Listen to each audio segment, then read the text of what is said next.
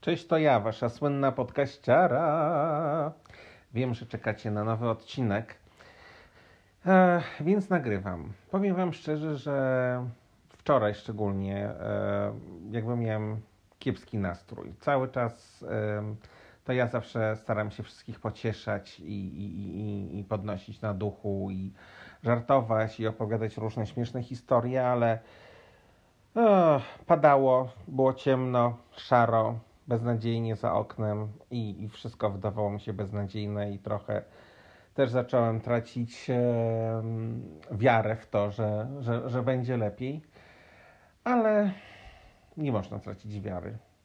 W związku z tym e, będzie odcinek nie o urodzie, bo na to jakoś nie mam nastroju, ale będzie odcinek może o tym Wam opowiem, jak to poznałem mojego męża i ogólnie o tym, jaki jest cudowny i wspaniały.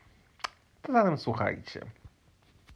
Mojego męża przyszłego poznałem 13 marca w piątek w klubie o wdzięcznej nazwie Wild. Klub ten niestety już nie istnieje. E, no to był taki klub, który po prostu był lekkim hardcorem. E, uwielbiałem tam siedzieć przy barze, bo e, były tam powieszone telewizory I po prostu na przykład na jednym telewizorze leciał sobie koncert Kylie Minogue, a obok jakiś po prostu totalny hardkorowy pornos. E, no i tak poszedłem tam z kumplem, w ogóle się nie spodziewając, że w ogóle cokolwiek się tej nocy specjalnego wydarzy. Tak naprawdę nie wiedzieliśmy już zupełnie gdzie iść, bo tam już byliśmy, tam już byliśmy, tam byliśmy tydzień wcześniej. Po prostu jakoś tak dobra, no to stwierdziliśmy, że chodźmy do tego Wilda. No i w tym Wildzie też trafiło się, że siedział mój przyszły mąż. No i tak siedzieliśmy obok siebie i zaczęliśmy rozmawiać, rozmawiać, rozmawiać. Rozmawialiśmy przez całą noc.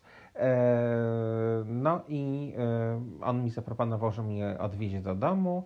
Natomiast to było tak, że on mówił, że on nie ma ze sobą swojego telefonu, nie pamięta do końca numer, ale jak ja mu dam swój, to on do mnie zadzwoni, więc ja sobie myślałem ta, ta, ta, tararara, oczywiście zadzwonić, no ale dałem mu swoją wizytówkę. No i rzeczywiście odwiózł mnie do mojego domu i, i tam za 15 minut, jak dojechał do swojego, przysłał mi e, SMS-a, że bardzo było miło Cię poznać, e, no i tam, że, że miłej nocy i tak dalej. E, no więc e, powiem Wam szczerze, że czasami to jest tak, że się kogoś pozna i że, że się wie od razu, że to jest to. I to dla mnie było tak od razu. Znaczy jakby po prostu super facet, fantastyczny, świetnie nam się gadało. E, Amerykanin, co jakby no miało dla mnie też jakby swój dodatkowy urok.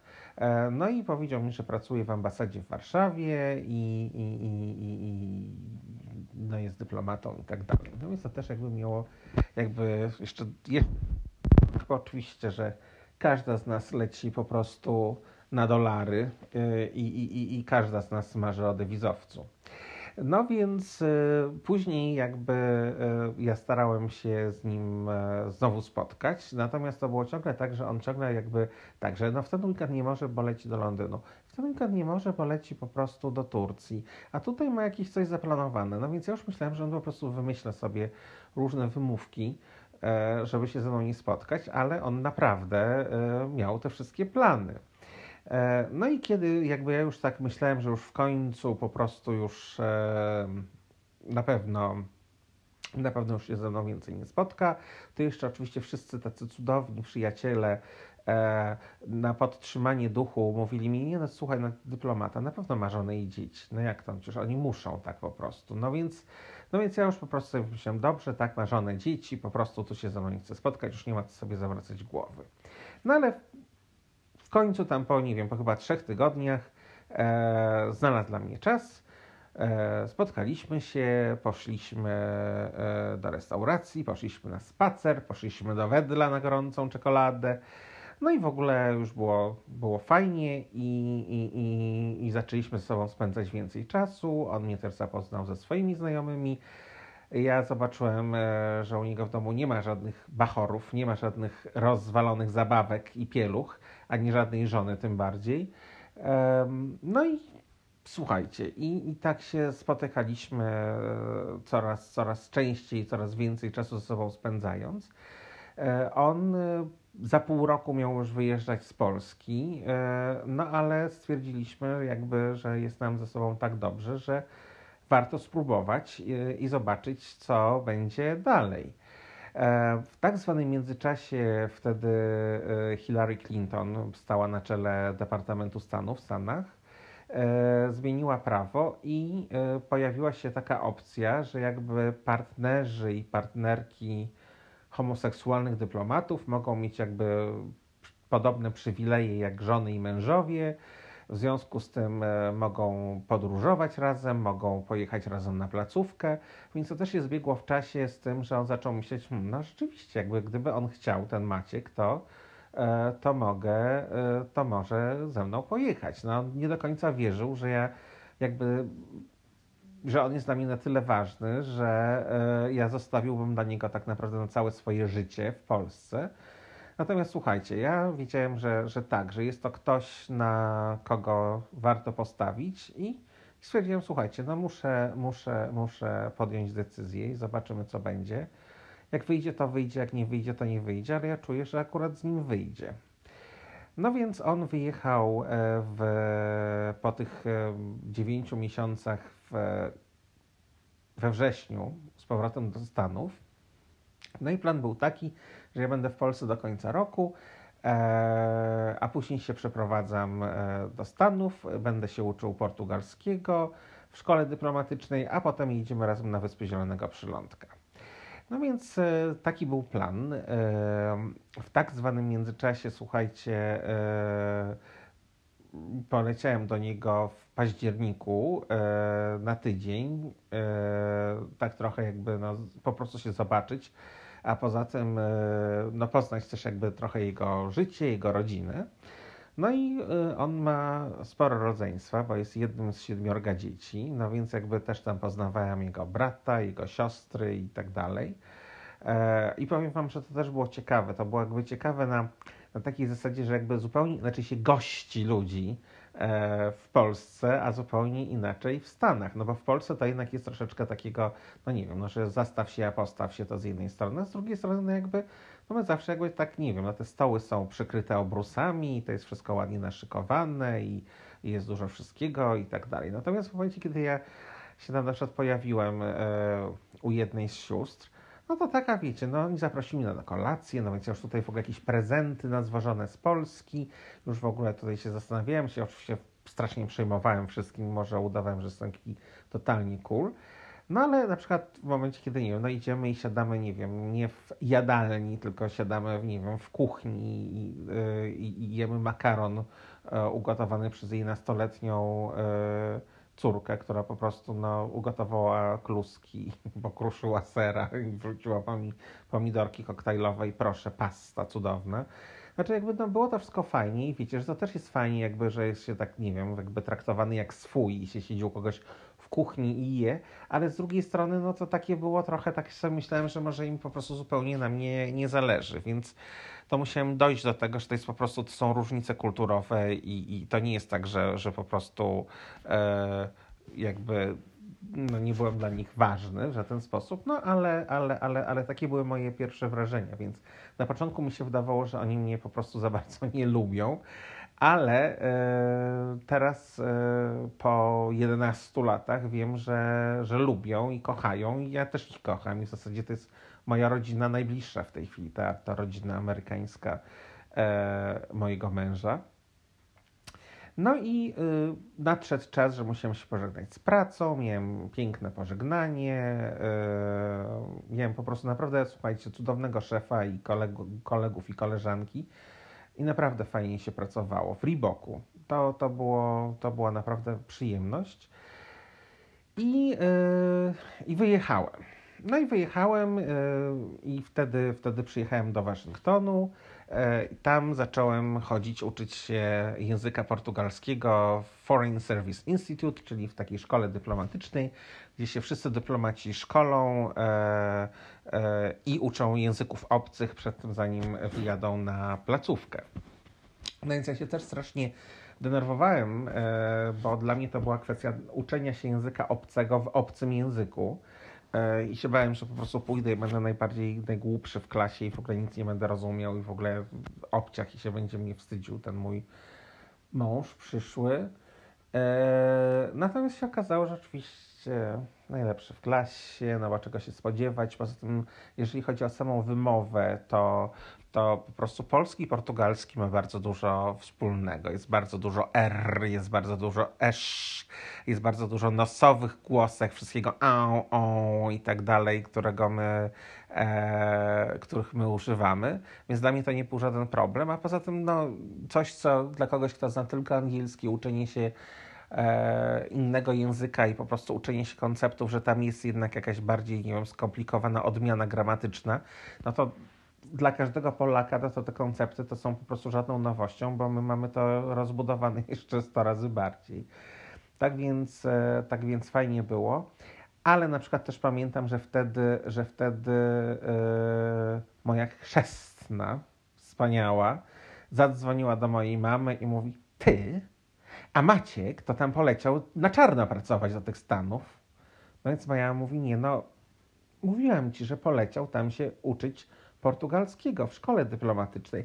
A nie pierdol, ja lepiej wiem. No to jest właśnie moja, moja chrzestna, która notabene muszę jej przypomnieć przy okazji, może nie sądzę, żeby słuchała moich podcastów, że ostatni prezent, jaki od niej dostałem, to było na moje 18 urodziny i to było naprawdę bardzo dawno temu. I wtedy mi powiedziała, że kolejny prezent to dostanę jak będę brał ślub. Ślub wziąłem 6 lat temu, a prezentu od mojej chrzestnej jak nie było, tak nie ma. No i słuchajcie, i yy, no się już nauczyłem, nauczyliśmy tego portugalskiego i tak dalej. Poleciliśmy sobie na te wyspy Zielonego Przylądka i yy, też było, słuchajcie, fajnie, no bo ja wtedy jakby nie byłem ani jego małżonkiem oficjalnym, ani nic. E, miałem cały czas polski paszport, polskie obywatelstwo. Natomiast y, rząd y, Republiki Wysp Zielonego Przylądka absolutnie jakby uznał mnie oficjalnie za jego, za jego, za jego partnera.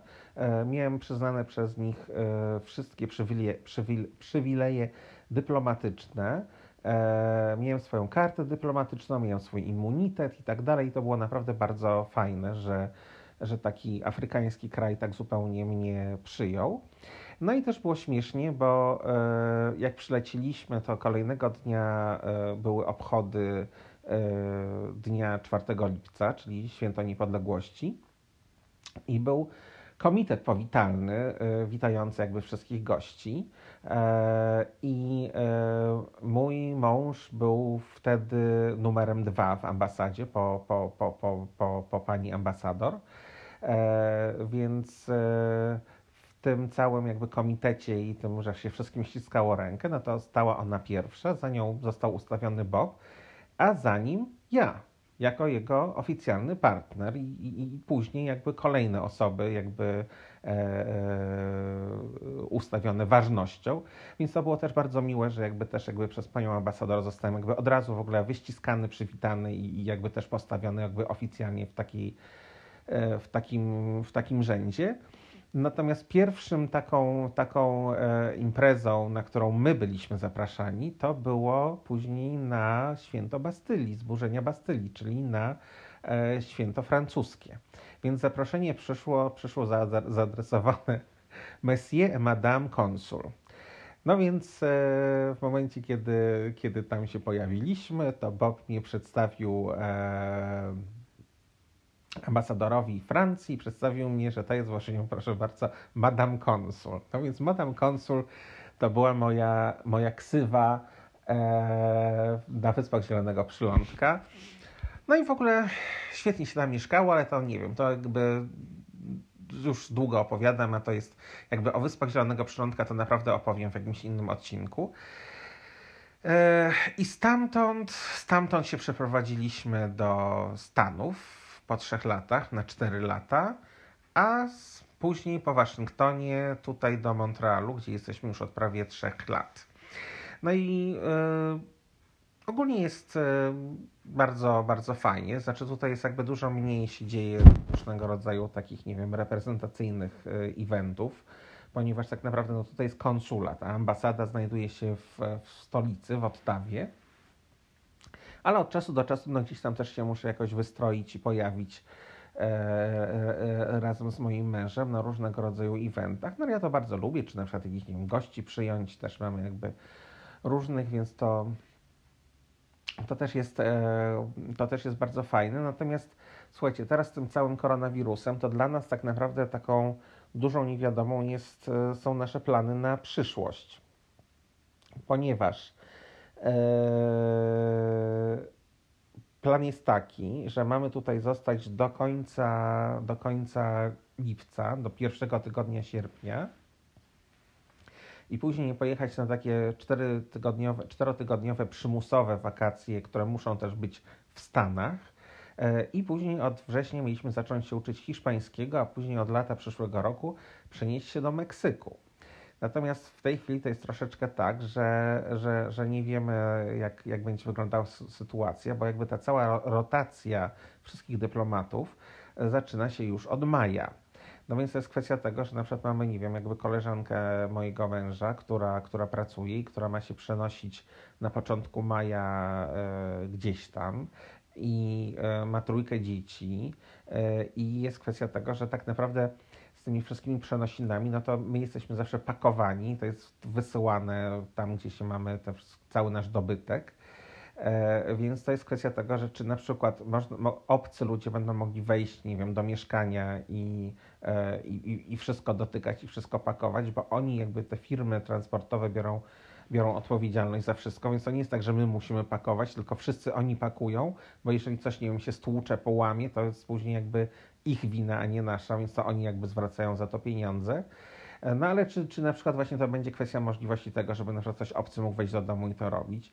Czy na przykład później będzie, nie wiem, opcja tego, że można będzie gdzieś tam, nie wiem, latać po świecie i się przenosić?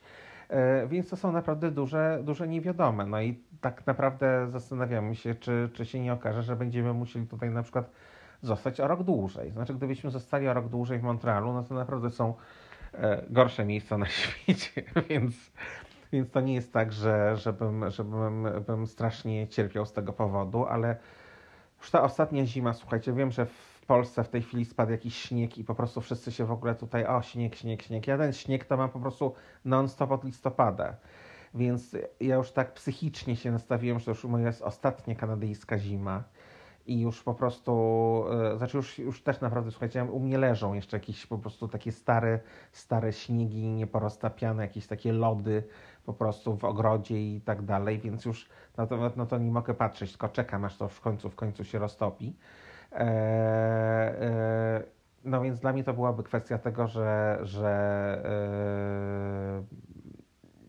e, że, że jeszcze jedna zima kanadyjska, no ale słuchajcie, są, są naprawdę dużo większe problemy na świecie, więc nie będę tutaj z tego powodu narzekał. No ale to tak, to tak to u mnie wygląda i, i tak naprawdę nie wiemy, nie wiemy co i jak. Natomiast Mąż jest cudowny, jest naprawdę fajny, jest dobry, jest po prostu dobrym człowiekiem. I wiem, że to po prostu troszeczkę tak, tak brzmi, po prostu tak już totalnie, po prostu cheesy w ogóle, ale, ale naprawdę, znaczy on sprawia, że ja jestem lepszy. E, I on sprawia, że, że ja jestem mniej złośliwy, i on sprawia, że jestem jeszcze bardziej empatyczny niż byłem wcześniej. I, e, i to jest naprawdę fajne. I e, więc ten 13 piątek, słuchajcie, to naprawdę może być też dniem szczęśliwym. No, więc o tyle. Tak nie wiem, trochę poględziłem, trochę bez sensu w tym odcinku, ale, ale tak jak Wam mówię, znaczy ogólnie to jakby nie jestem w jakimś takim najlepszym moim w tej chwili nastroju. E, więc, e, więc staram się jak mogę i e, żeby umilić Wam słuchanie. E, jeżeli zanudziłem, to przepraszam i ściskam mocno i pozdrawiam, wasza słynna podkaściara.